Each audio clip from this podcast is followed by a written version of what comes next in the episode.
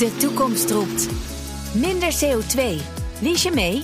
Dit is het moment om te kiezen voor de Tesla Model 3, Toyota Pro-Ace Electric of Volkswagen ID3. Uitstoot verminderen doe je samen met mobilityservice.nl.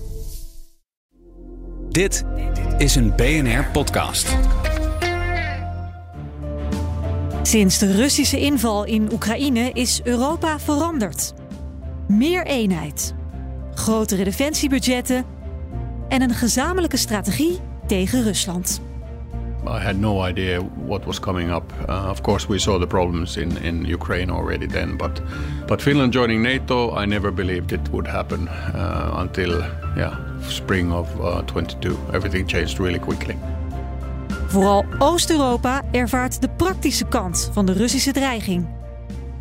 Want wie weet wat Poetins einddoel is. In de nieuwe podcastserie De Oostflank gaan onze verslaggevers op reis langs de Europese oostgrens. Ik uh, zit nu gewoon in een bootje in het rivierengebied, de Evros, de grensrivier tussen Turkije en Griekenland. Ze bekijken hoe de zaken daar veranderd zijn. Op het gebied van veiligheid, defensie, vluchtelingenbeleid, politiek en natuurlijk ook economisch. De Oostflank. Vanaf 5 februari in je favoriete podcast-app.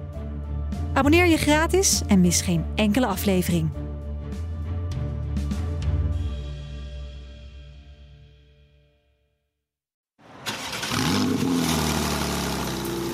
De toekomst roept.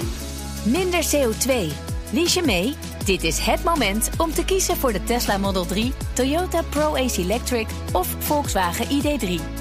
Uitstoot verminderen doe je samen met mobilityservice.nl.